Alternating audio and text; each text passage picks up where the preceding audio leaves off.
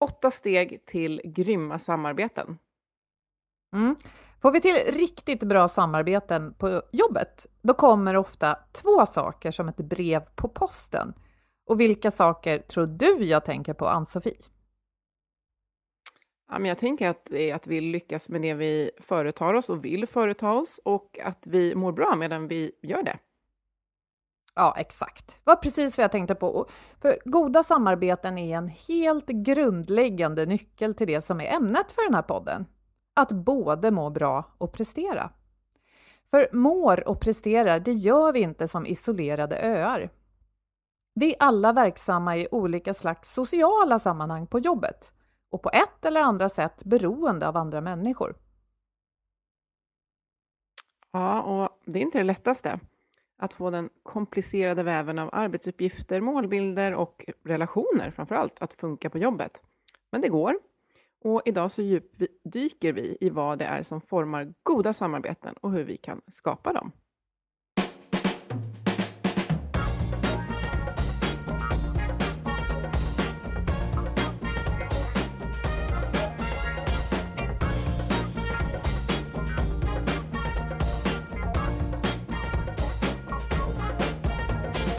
Och det här är Health for Wealth och i sex år nu har vi poddat om hälsa på jobbet eftersom människor som mår bra kan prestera bra tillsammans som är fokus idag. Mm. Och för att må bra behöver vi ja, goda samarbeten till exempel och vi behöver också rätt resurser, handlingsutrymme och trygga ledare som har tid att leda. Och I podden tar vi med hjälp av våra gäster ett helhetsgrepp på hälsan på jobbet. Vi är Ann-Sofie Forsmark. Jag är hälsostrateg, ledarskapskonsult och jag driver organisationen Oxigroup. Och Boel Stier, copywriter och kommunikationskonsult. Varje vecka delar vi inspiration, idéer och tips för ett bättre och mer hållbart arbetsliv. För dig som är chef, ledare, jobbar med HR och medarbetare i största allmänhet såklart. Ja, och eh, för några år sedan så fick vi båda upp ögonen för hur man kan jobba med beteenden i organisationen med hjälp av teorin och verktyg som kallas OBM, Organizational Behavior Management. Och det här använder jag, kanske inte dagligen, men jo, kanske faktiskt, i, i mitt arbete som eh, konsult. Och om du inte redan har lyssnat på avsnitt 211, Få förändringen att hända, ja, men då, då rekommenderar vi det varmt faktiskt, för att OBM är ett väldigt, väldigt praktiskt och handgripligt verktyg att jobba med. Mm. Ja, nej, men det är ju så att vi, eh, vi har gått om teorier, men det är inte alltid vi får hjälp med själva huret när vi ska göra saker i vardagen. Och i samma veva som vi blev nyfikna på och utbildade oss också inom OBM båda två, så kom jag i kontakt med Psykologifabriken som jobbar väldigt mycket med den här praktiska delen, huret ute i verkligheten. Eh, Psykologifabriken hjälper helt enkelt organisationer med att få till de där vardagliga beteendena som gör att vi kan samarbeta, nå mål, prestera och må bra ihop. Eh, och idag är vi jätteglada att kunna välkomna en av Psykologifabrikens grundare och VD Oskar Henriksson till podden. Välkommen Oskar! Tack så mycket, kul att vara här! Kul att ha dig här!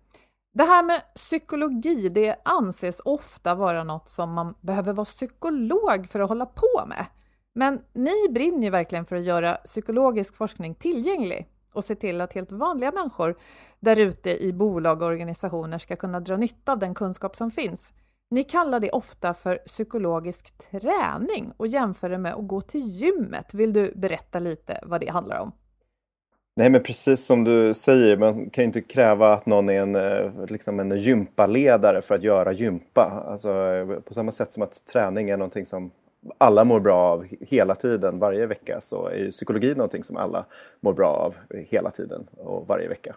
Så då tyckte vi att psykologisk träning var en bra metafor för att visa på att det räcker inte att så nej men det där med ledarskap, jag gick en kurs förra sommaren. Eh, det är ju någonting som jag är redan klar med. Så, utan det skulle vi inte säga om, om fysisk träning. Jag, bara, ah, men jag, jag var där på, på ett, ett, ett gympapass eh, sommaren 2015. Så det där, det där angår inte mig längre. Jag, jag är klar med det där. Det, det, det är färdigt. Ja, och idag så ska vi prata om åtta ja, principer, fokusområden och ursprungligen så härrör ju de här från Elinor Åströms eh, forskning och arbete. Hon fick Nobelpriset i ekonomi 2009 och hon fokuserade på stora grupper, samhällen och, och byar om jag har förstått det, jag har läst rätt. Eh, men de här fokusområdena, de är ju också avgörande för mindre grupper som jag tror är relevanta för oss och våra lyssnare.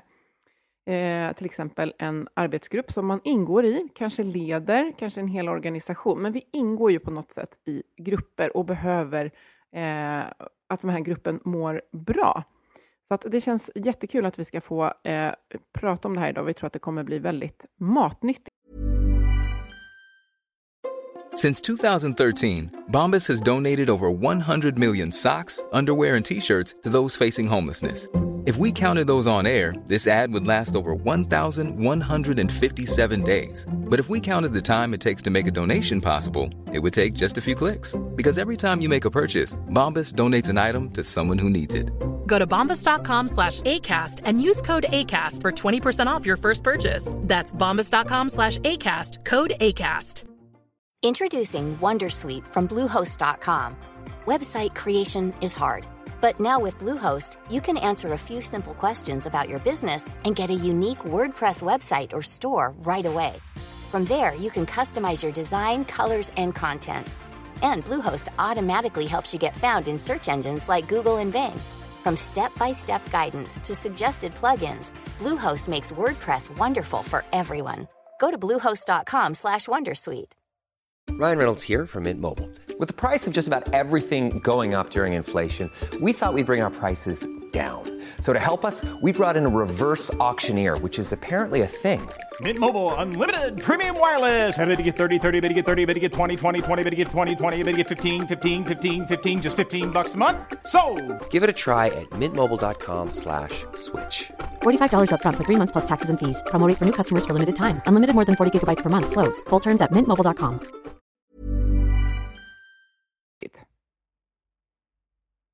Ja, så Oskar, hur kom det sig att ni valde just de här principerna och Elinor Ostroms forskning för att basera er verksamhet? men som du säger Annie så har ju Ostrom studerat mycket större samarbeten och eh, då var det några av våra liksom, idoler inom psykologi, så internationella forskare som Stephen Hayes och David Sloan Wilson som menade att Hörni, eh, vi tror att Elinor Ostroms eh, principer för välfungerande samarbeten, vi tror att det synkar bra för även psykologiska teorier.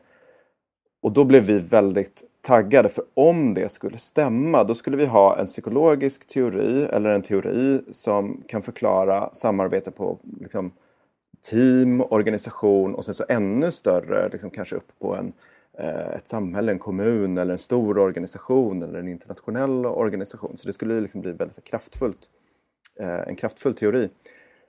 Och ni sa ju här tidigare också om eh, att ni utgått mycket från Organizational Behavior Management och det, det, gör ju vi också. Och, det är en väldigt kraftfull teori för att förstå beteenden men kan behöva liksom sättas, eh, man kan behöva sätta lite ramar på den skulle jag säga för att se så här, okay, men har vi några kluster av beteenden som är intressanta att jobba med Eh, i en organisation och kan vi välja något kluster av beteenden eh, att eh, jobba med. För om man tänker en klinisk psykolog skulle ju ehm, eller har ju väldigt stor användning av, av eh, diagnoser och grupperingar av, av beteenden. Så det är klart att en psykolog kan gå in och analysera ett beteende hos, hos en patient eller så och se så, ja, men vad finns exakt här och, och så. Och det, är ju, och det är ju toppen. Men man kan ha väldigt stor nytta av att men vänta, det här kan vi sortera in under några eh, grupperingar. Så, det här kanske är depression och det här är ångest.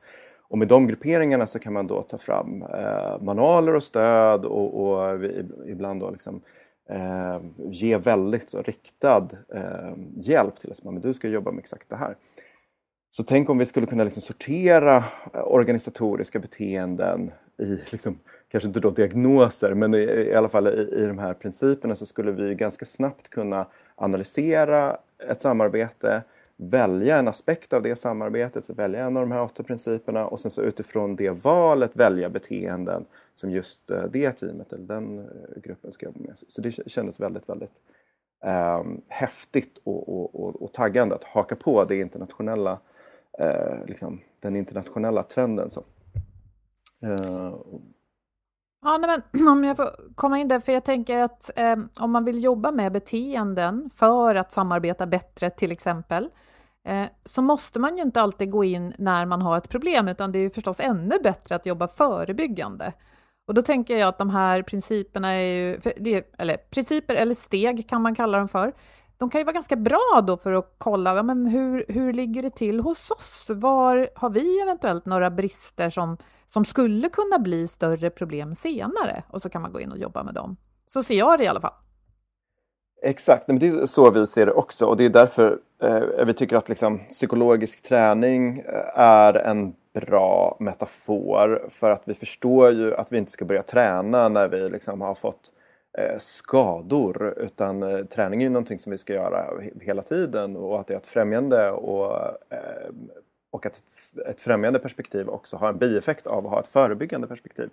Så ehm, liksom, tränar vi regelbundet så är ju inte det både härligt och stärkande och, och en frisk faktor utan det är också en förebyggande faktor. Och samma sak tycker vi att vi ska samma sätt tycker vi att vi ska se på, på psykologi, att inte vara så här, ah, ta hjälp av psykolog eller psykologi när jag har inga problem. För så skulle vi aldrig mm. prata om, om liksom fysioterapeuter. Att, äh, att nej, men jag behöver inte gå till gymmet, jag väntar och så ser jag en fysioterapeut när, när jag fått en skada. Så det vore ju helt uh, idiotiskt. Eller, mm. Nej, jag behöver inte borsta tänderna, jag, jag har inga hål ännu. Uh, när jag får hål då kanske jag går till en till en läkare men jag har hört att de är lite suspekta så, så jag, jag, jag kanske bara låter bli.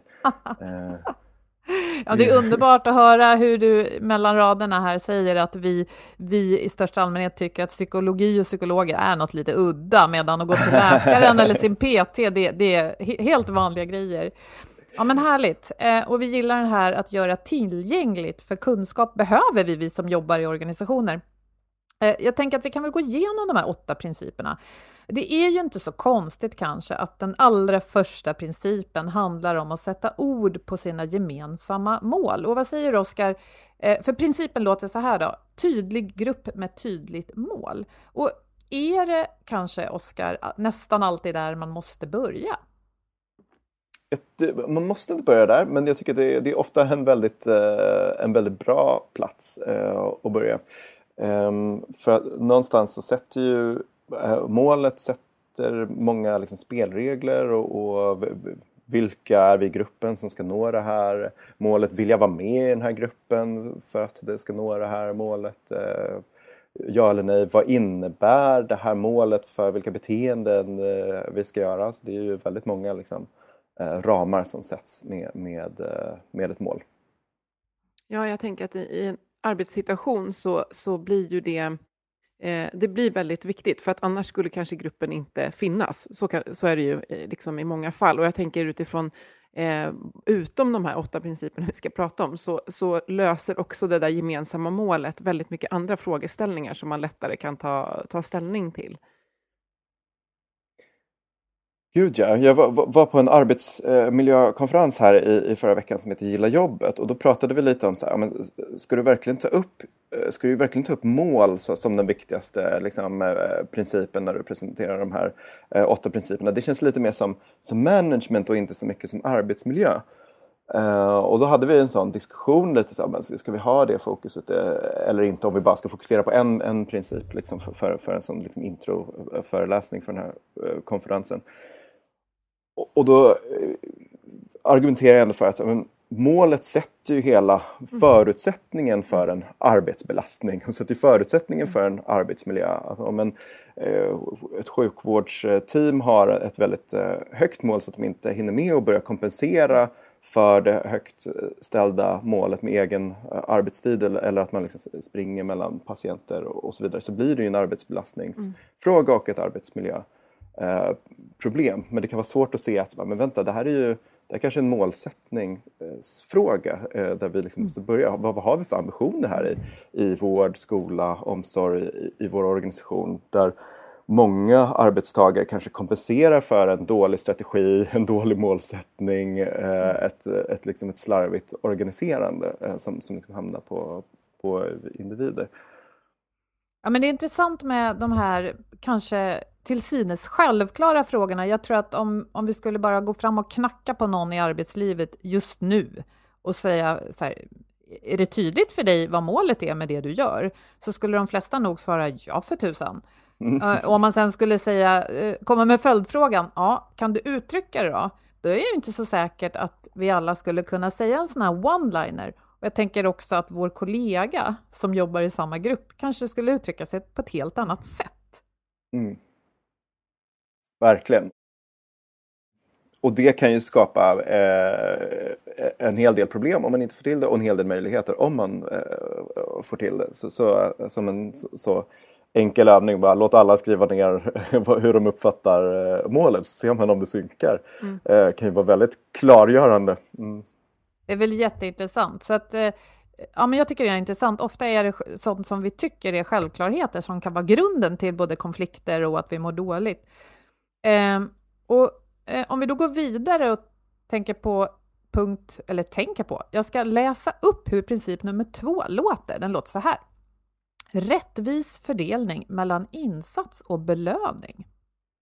Och här hör jag direkt att vi har eh, typiska arbetsmiljöfrågor. Man pratar ju ofta om det här med krav och resurser inom arbetsmiljö, eller hur? Verkligen. Och det handlar mycket om att bara för att du vet vad ett mål är så är det inte nödvändigtvis så att du eh, vill nå ett mål eller att du har resurserna för att eh, nå det målet. Om brukar ta exemplet med, med Jeff Bezos. Om han eh, har alla pengar i, i eh, världen men du jobbar på lager och har inte eh, tid för att gå på toaletten. Kommer du känna dig motiverad att liksom anstränga dig extra mycket för att han ska tjäna ännu mer pengar? Eller kan det till och med vara så att du blir lite sugen på att eh, slacka lite, göra ett lite sämre jobb, kanske till och med sno någonting från, eh, från lagret. Så den rättvisa fördelningen mellan arbetsinsatsen och belöningen är väldigt viktigt för att vi ska känna att det är schysst att, att vara på jobbet. Jag lägger ner en rimlig mängd arbete jämfört med mina kollegor, jämfört med den, den arbetsinsats jag, jag gör. Eh, och att jag har tid, och, tid och möjlighet att, att göra min roll och, och, och min del av det. Mm. Och det här med rättvisa, det återkommer senare i de här principerna. För visst är det så, Oskar, att jag menar, rättvisa, det kan man ju vilja jobba för för att det känns bra, för att man har ett patos och en grundinställning att världen ska vara rättvis. Eh, men man kan ju också hävda att ja, ja, världen är inte så rättvis. Men det här med att vi upplever vår situation som åtminstone hyfsat rättvis, det är väl ganska grundläggande för att vi ska liksom både vilja och kunna prestera, eller? Det verkar faktiskt vara eh, en, en, eh, anledning till varför människan började dominera planeten. Alltså vi är ju eh, trots allt en varelse som, eh, som har tagit över den här eh, planeten. Och anledningen är många forskare som tror är för att vi människor kan samarbeta eh, på ett liksom, exemplariskt sätt jämfört med, med andra varelser. Och tittar man på varför vi kan samarbeta så är faktiskt liksom att vi har ett, eh, en, en, känsla för rättvisa väldigt, väldigt viktig. För låt säga att vi har liksom en, en, en liten grupp som eh, samarbetar på savannen och vill eh, jaga eh, sig.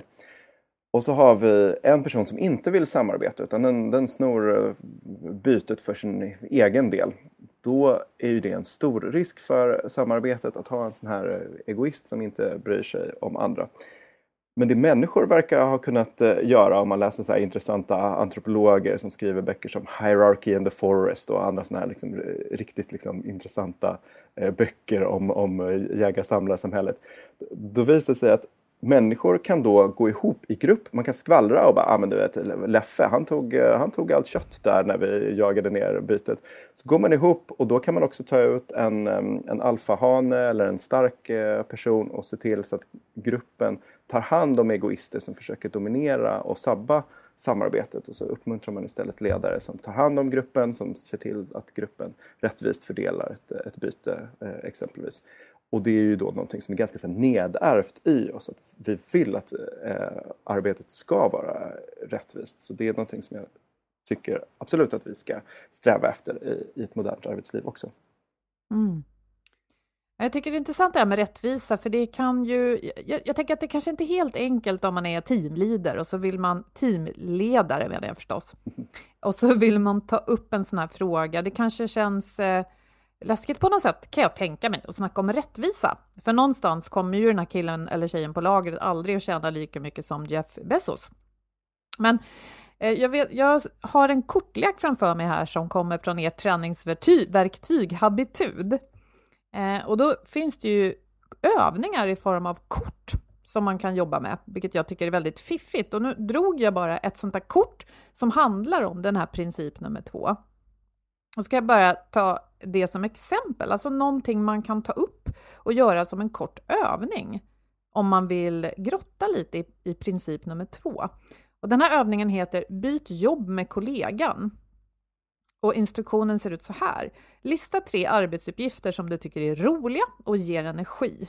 Och tre arbetsuppgifter som du tycker är tråkiga och tar energi. Bjud in en kollega och göra samma sak och jämför era listor. Går det att omfördela några arbetsuppgifter så att de matchar er bättre? Jag tänker att det här är ett lite så här, jag vet inte om, om det är rätt ord, men ofarligt sätt att bara ställa lite frågor. Vad säger du, Oskar? Det är hela tanken med den här eh, plattformen Habitud att försöka sänka tröskeln på beteendeförändringen. Eh, vi, precis som ni sa, vi jobbat med Organizational Behavior Management vilket handlar om att försöka identifiera små beteenden i vardagen som ger mycket skillnad och det kan ju liksom ta lite tid att hitta det där, liksom, ja men det där beteendet eh, funkar. Så vad händer om vi liksom eh, hittar Eh, övningar eller beteenden som funkar liksom väldigt ofta eller liksom flera gånger. Och så gör vi dem tillräckligt enkla och ofarliga att vi ska kunna prata om, ja men ibland då känsliga frågor som, som rättvisa på, på jobbet eller liknande. Och då kan vi också få in det här som psykologisk träning, till exempel på ett veckomöte.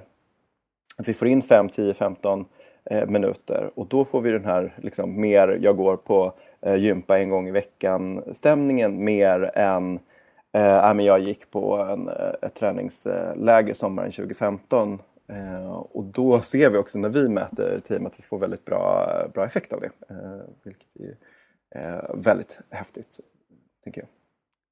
Jag tänker den där övningen, den låter ofarlig, den låter ganska rolig att göra och det är väldigt bra att liksom reflektera kring det där. För tänk om jag upptäcker att liksom, Boel älskar att göra någonting som jag liksom avskyr. Eh, men jag tänker lite kring eh, de punkterna som är fyra och fem som handlar om uppföljning av överenskomna beteenden och sen grad, fem då, graderade sanktioner för ohjälpsamma beteenden. Här kommer vi in på att vi behöver prata om hur vi beter oss mot varandra. Och jag bara undrar, kan det vara lite mer så att säga minerad mark? Att liksom, nu ska vi prata om hur vi har betett oss mot varandra den här veckan och så ska vi prata om beteenden som inte är okej. Okay. Hur gör man det liksom, till att kännas som en enkel bicep curl, om du förstår hur jag tänker. Liksom. Kan det, mm. det känns lite mer laddat att prata om att Oskar, igår, det där beteendet, inte okej. Okay. Hur, hur gör vi där för att prata om det? Det, det, är en jättebra fråga och det har vi kämpat med också i, uh, i flera år. Plus uh, princip 16, snabb och rättvis konflikthantering, mm. Mm. har ju varit uh, en stor fråga där vi har varit så okej okay, men hur får vi konflikthantering och problembeteenden eh, till ett främjande eh, håll. Liksom. Hur, hur, tar vi det här så, så, tidigt som möjligt? Och då har vi hittat övningar som att till exempel ta, ta ett varv i teamet och berätta om ett misstag du har gjort.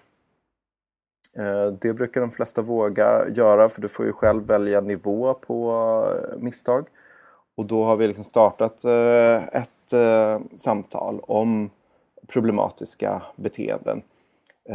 En annan övning som brukar fungera väldigt bra heter lite skämtsamt Hur vill du bli utskälld? Eh, och då får alla i teamet helt enkelt berätta men om du gör någonting problematiskt, hur vill du bli tillsagd? Eh, och det har ibland gett lite roliga reaktioner när vi har gjort den i team. För då kan någon vara så här, den här övningen tycker jag inte att vi ska göra. Jag tycker inte att vi ska skälla ut någon.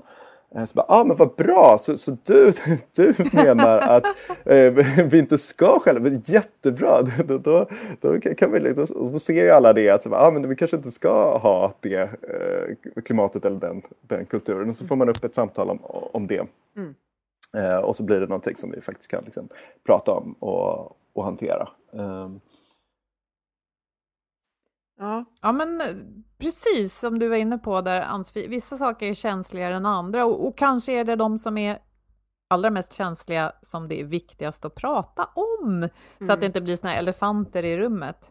Men det mm. du sa där, Oskar, att eh, om man, om man gör som en enkel övning och alla får dela, då är tröskeln låg. Och visst är det väl ändå så att den som är ledare eller den som har mer makt faktiskt behöver börja för att öppna dörren till det här? Absolut, det tycker jag är, en jättebra ehm, förutsättning. Att chefen eller ledaren är ofta liksom en, en förebild och sätter lite, sätter lite ton och agenda.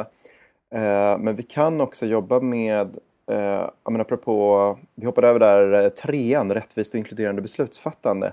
Då kan man jobba med att teamet får välja övningar i vår metodik då ska man antingen använda den här habitutplattformen eller den där sortens kort och så väljer teamet övningar eller kort och ger till eh, teamledaren eller, eller, den som tränar, tränar teamet.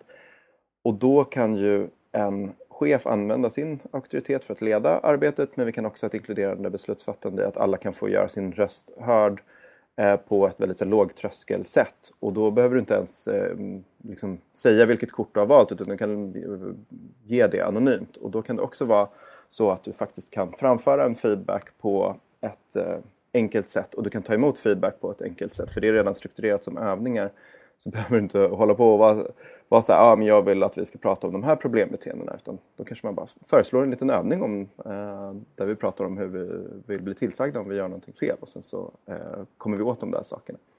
Mm. Eh. Mm, vad intressant. Eh, och jag tänker att eh, nu har vi pratat om 1 till 6 och självklart så du som lyssnar har förstås en lista på alla de här åtta principerna i inlägget i din poddapp där du lyssnar. Men sjuan då? Mandat till självbestämmande. Vi har pratat om trean som handlar om rättvist och inkluderande beslutsfattande. Det, det innebär då att alla på något sätt ska få någon typ av inflytande. Men mandat till självbestämmande, hur, eh, hur jobbar man med det på ett bra sätt, tycker du, Oskar?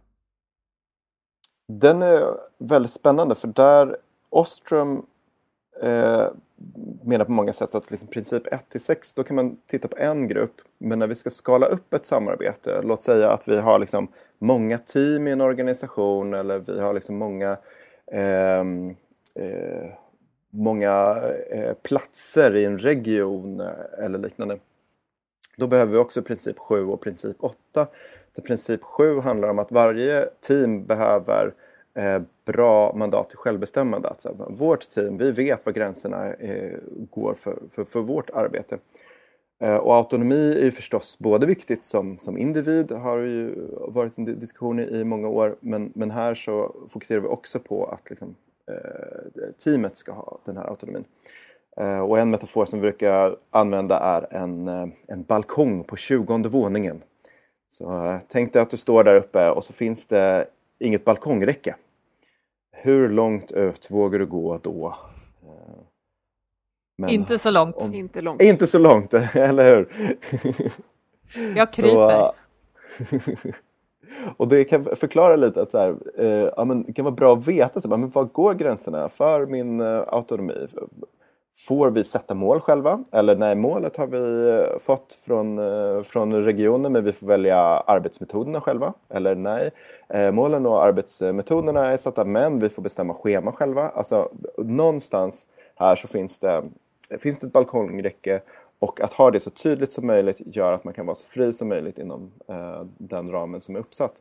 Och det förtydligar också att vi kan i, ibland också omförhandla. Att, men vänta, vi tror att vårt team skulle fungera bättre om vi också fick mandat till det här. Men att spesa det är ju en förutsättning för att överhuvudtaget kunna ha den diskussionen. Mm. Och apropå balkongräcken så tänker jag att princip 1 tydlig grupp med tydligt mål, den måste man ju då nästan ha satt på plats, eh, ja, eller diskuterat och har blivit överens om för att man sen ska kunna eh, snickra upp räcket som handlar även om självbestämmande, eller hur? Verkligen. Och där kommer man ju lite osökt in på princip 8 som handlar om hur vi koordinerar mellan grupper. Eh, som egentligen handlar om att alla grupper i en större organisation har nytta av att följa principerna. För då kan vi också samordna flera grupper. Som vi strukturerar ett eller samordnar en grupp eller ett team med ett tydligt mål. Hur eh, samordnar vi två grupper? Jo, med ett tydligt mål. Eh, och då kan vi få ihop väldigt stora grupper helt plötsligt. Så kan det växa liksom från, från mindre samarbeten till större och större och större samarbeten. Ända tills vi har en hel planet av gott samarbete. Alltså, inte Som Ostrom underbart? kanske drömde om. Ja. vore det inte underbart? Underbart. Men jag tänker, det så, jag tänker om man liksom lyssnar på det här eller bara reflekterar så, så vet vi, jag tror inte, eller ni får jättegärna höra av er om ni har lyckats liksom ingå i en grupp och det bara rullar på jättebra och liksom, äh, det känns demokratiskt och det är rättvist och, och det är tydligt vart vi ska och jag vet precis vart mitt självbestämmande börjar och slutar. Så att det är så mycket som liksom talar för att eh, vad roligt det är att ägna lite tid åt det här, precis lite som lite styrketräning varje vecka. Eh, och sen också att det är så viktigt att det mynnar ut i konkreta eh, beteenden. Liksom, vad gör vi då? Vad gör jag? Eh, och det kan ju vara att en, en, en aktivitet kan vara att jag regelbundet ställer frågor kring olika saker som gör att det blir tydligare och sen, ja. Så att, eh, jag tänker att det, det, för oss känns det så himla självklart att ja, men det här, det här eh, det här gör man väl, det här gör väl alla grupper, men, men så, så är det ju kanske inte riktigt. Nej, men jag håller verkligen med. Jag eh, skulle säga att ehm, eh, det inte görs i så stor ehm, utsträckning som det skulle kunna göra och jag tror att väldigt, väldigt mycket spännande kan hända när vi gör det. Det, det är lite som att eh, eh Alltså tandborstning var ju inte fullt etablerat före andra världskriget. Och förstå vad mycket som har hänt med munhälsa sedan dess. Eh, liksom fysisk träning eh, fick väl sitt stora genomslag med liksom Friskis och Svettis och, och, och liksom gympa-revolutionen. Och tänk om vi står inför liksom en, en psykisk eh, hälsorevolution där vi tränar psykologiskt och där vi kommer att liksom nå helt nya eh, nivåer eh, de närmaste tio åren. Nej, men där sa du någonting. För eh, jag förvånas ofta över att det, det pratas ju mycket om psykisk ohälsa. Den diskussionen var ju faktiskt en anledning, en av flera, till att vi startade den här podden för sex år sedan. Eh, och vi kopplade ju också inte bara till allt det lidande som den psykiska ohälsan innebär, utan också kostnader, för vi pratar både om, om hälsa och business i den här podden. Och då kan man ju tänka sig så här att de politiska diskussionerna förs, det tillsätts kanske pengar, eh, jag vet inte om det är tillräckligt, det görs utredningar, men någonstans, om vi inte i vardagen gör det här som du pratar om, Oskar, lyfter på hanten och faktiskt pratar om hur vi jobbar och inte bara jobbar på, då kommer ju ingenting någonsin att förändras. Ja, Word! Ja, det var verkligen ingen fråga, utan det var ett manifest. nej, nej, nej, men alltså det kanske är någonting som vi behöver på, påminnas om. Och jag tror också att det, det, det, är, det här har fått sig faktiskt en liten skjuts i och med pandemin, där väldigt många i eh, det känns som att, ja, men det har vi sagt länge, fast det pågår fortfarande, ska navigera ett nytt sätt att samarbeta i ett mer hybrid liksom, arbetssätt. Och då är väldigt mycket liksom, samarbetet i fokus. Och vi vet också mer och mer ju från forskningen att, att jag känner mig eh, utstött från en grupp eller liksom, eh, ohövligt beteende, det får en enorm effekt på hälsan. Så att det är så mycket som talar för att vi faktiskt behöver jobba med det här. Och då tänker jag att de här åtta principerna, de är väldigt eh, välbeforskade och som sagt, de får så mycket nytta på, eh, som vi var inne på, eh, management. Alltså de får nytta på det, eh, på de bitarna också, måluppfyllelse och personalretention eller vad det nu må vara. Så att, eh, ja, vi boostar verkligen det här, eh, eh det här fokuset. Mm. Ja, men fint. Det känns som att vi är väldigt synkade där i att eh, er podd heter Health for Wealth och eh, eh, vår bok har ju som, eh, som eh, då tagline att ett, ett hållbart team blir ett framgångsrikt team. Så, mm. så verkligen inne på samma, samma spår här. Ja, och, och, det som är svårt här är ju inte att förstå egentligen vad man ska göra. För jag, jag, jag tänker på den här kopplingen till management du nämnde, Oskar, inför en föreläsning. Ska, ska jag verkligen, eller ska vi verkligen börja med det här med att sätta målet? Är inte det management? Och då tänker jag också, men om inte man... Alltså, ni var på en konferens som handlade om arbetsmiljö. Och då kan man ju fråga sig, vad då? Ska inte management jobba med arbetsmiljö? Var ska arbetsmiljön bo mm. då? Kan man ju mm. fundera på. Mm. Men eh, en fundering jag har, det här man går en kurs och så vidare och så, ja, så är man klar som du raljerade där, Oskar. Jag kan tänka mig för många chefer så är det så, man skickas på en kurs, man får massa insikter och så är man full av eh, vilja att göra saker och så drabbar verkligheten en och så händer det inte. Eh, och jag tänker att det kanske är precis den här hjälpen som många behöver. Att till exempel titta på de här åtta principerna. De finns där ute, det är forskning, de är liksom gratis. Eh, och sen bryta ner dem i enkla samtal som man tar kanske en gång i veckan på ett möte med teamet som man redan har. Mm. Är det så ni rekommenderar att jobba, Oskar? Absolut, och, och jag skulle säga att vi får, vi får väldigt bra effekt av det. Alltså man kan bara gå igenom de åtta principerna med teamet, rösta. Vilken princip känns mest eh, relevant eh, nu? Och sen så kanske man lägger ett, um, ett halvår eller um, tre, tre, fyra månader på en princip. Och så gör man övningar eller har små, små diskussioner på, på veckomötet så, så kommer ganska mycket hända skulle jag säga. Mm. Uh, det har vi väldigt bra eh, erfarenheter av. Mm. Och just det här att, mm. att bryta ner det vi ser att äh, ja, vi har, det här området, här har vi lite gnissel, att bryta ner det till övningar kan ju också vara svårt. Jag vill inspirera här med ännu en övning då från er kortlek och den handlar om princip 8, koordinering med andra grupper. Den övningen heter Bli en persona grata och då ska jag bara förklara om man inte känner till uttrycket persona non grata. Det betyder någon som är utstött som man inte vill ha att göra med. Och då ska man alltså bli tvärtom. Och instruktionen låter så här. Samarbetssvårigheter med ett annat team.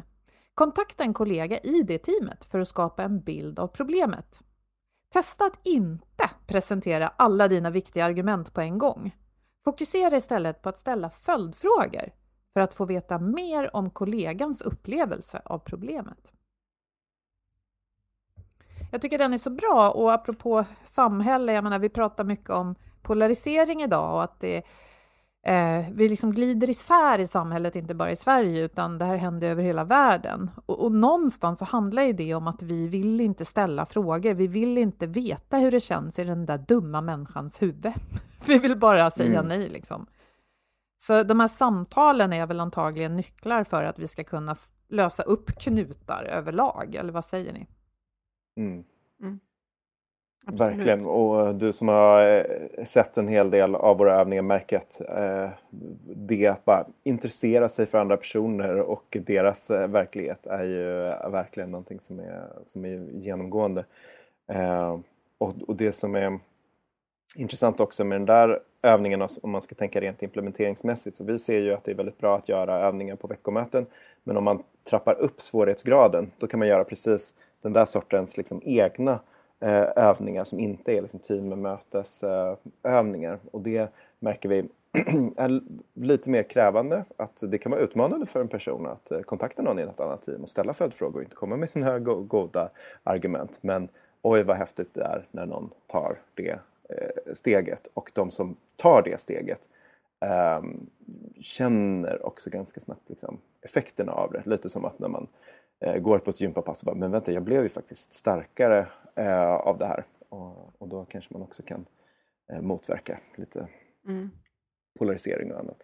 Mm. Ja, det viktiga är ju där att, eh, att eh, reflektera kring effekten för att liksom gjuta mod för nästa gång. För första gången kanske det bara är väldigt obekvämt. Jag jobbar mycket med, med just det här med att komma ur silos med, med organisationer. Och då brukar jag prata om att eh, bli, bli formell kring informell kontakt, att liksom skapa, alltså avlasta att jag ska bara, just det, jag borde ju bara höra av mig till någon i en annan del av organisationen, men att vi pratar ihop oss om frågor vi skulle kunna ställa till varandra, men sen superviktigt att när jag har gjort det första gången så kanske effekten kommer först senare. Så jag måste verkligen reflektera över att ja, men det kändes faktiskt bra i stunden. Precis som goda vanor ibland ger effekt på lång sikt och dåliga på kort sikt. Så där kan vi också hjälpa varandra i gruppen och verkligen upp, uppmuntra de här beteendena men också lyfta upp dem när de har skett. Jag håller verkligen med och, och, och det är väl också som ett, så här, som ett hinder i, i den här liksom, psykologiska eh, träningen. Att dels är det lite ovant och lite eh, konstigt men sen så precis som med liksom, fysisk träning eller tandborstning när det skulle introduceras. Det kanske liksom inte ger en så här uppenbar direkt effekt. Att man bara, nej men vadå, det här, jag gjorde några armhävningar, vad, vad, vad ger det mig? Det gör ju ont i kroppen. Ja. Eh, jag förstår inte alls vad, vad poängen skulle vara eh, med, med den här sit-appen. Eh, det här var ju bara smärtsamt. Eller vadå, ska jag ut och springa i regnet? Det är inte alls mm. bekvämt. Mm. Tandborstning, bara, det, det är no någonting som fräter på mina tänder. Det känns inte alls bekvämt. Jag förstår inte värdet med det här. Så det kan vara svårt att komma i kontakt med ja. och, och, förstå att så här, ah, men du liksom, testa det här lite. Det är ett litet obehag i början. Men du, du ska se att så här, mm. om, du, om du ger det en liten stund så, så, så kommer du märka att det, det händer häftiga grejer här mm. down the line. Precis, och just det, mm. där kan vi verkligen hjälpa varandra. Mm. Ja, så till dig som eh, är i ett team eller en grupp, och det tror jag att nästan vi alla är, eh, är du ledare eller teamledare eller chef, ja men då är det bara att sätta igång med de här åtta principerna. Och är du inte det kan du ju föreslå för gänget att det här är någonting som ni skulle kunna ta upp som en stående punkt på en agenda på ett möte som redan finns för att just prata om hur vi jobbar och inte bara jobba så blir det så himla mycket bättre. Tack så jättemycket för att du ville vara med i det här samtalet, Oskar. Tack. Superkul att få vara här. Tack så mycket. Vår samarbetspartner motivation.se har en massa artiklar om arbetslivet, organisationskultur och ledarskap. Den här veckan har vi valt en text som handlar om de höga kostnaderna ett arbetsklimat som präglas av misstro för med sig. Och de stora fördelarna med en miljö där man istället litar på varandra och samarbetar bra. Här kan du bland annat läsa om hur du förhandlar på ett sätt så att alla känner sig som vinnare. Och vi lägger en länk förstås till den här artikeln i inlägget som vanligt. Ja, och med det så tackar vi Oskar och vi tackar våra samarbetspartners Motivation.se och förstås Agda Media för den här produktionen. Prata som vanligt jättegärna med oss på LinkedIn. Kommentera gärna våra inlägg. Och du, lyssnar du på det här i din podd just nu, kan du inte ta upp och ge oss en rating? För det vore så roligt. Det hör jag andra poddar be om, så nu tänker jag inte vara blyg, utan nu ber jag dig om att göra det också. Det betyder väldigt mycket för oss, så når fler eh, vår podd. Och säg hej i valfri kanal så hörs vi om en vecka igen. Sköt om er. Hej då! Hej då!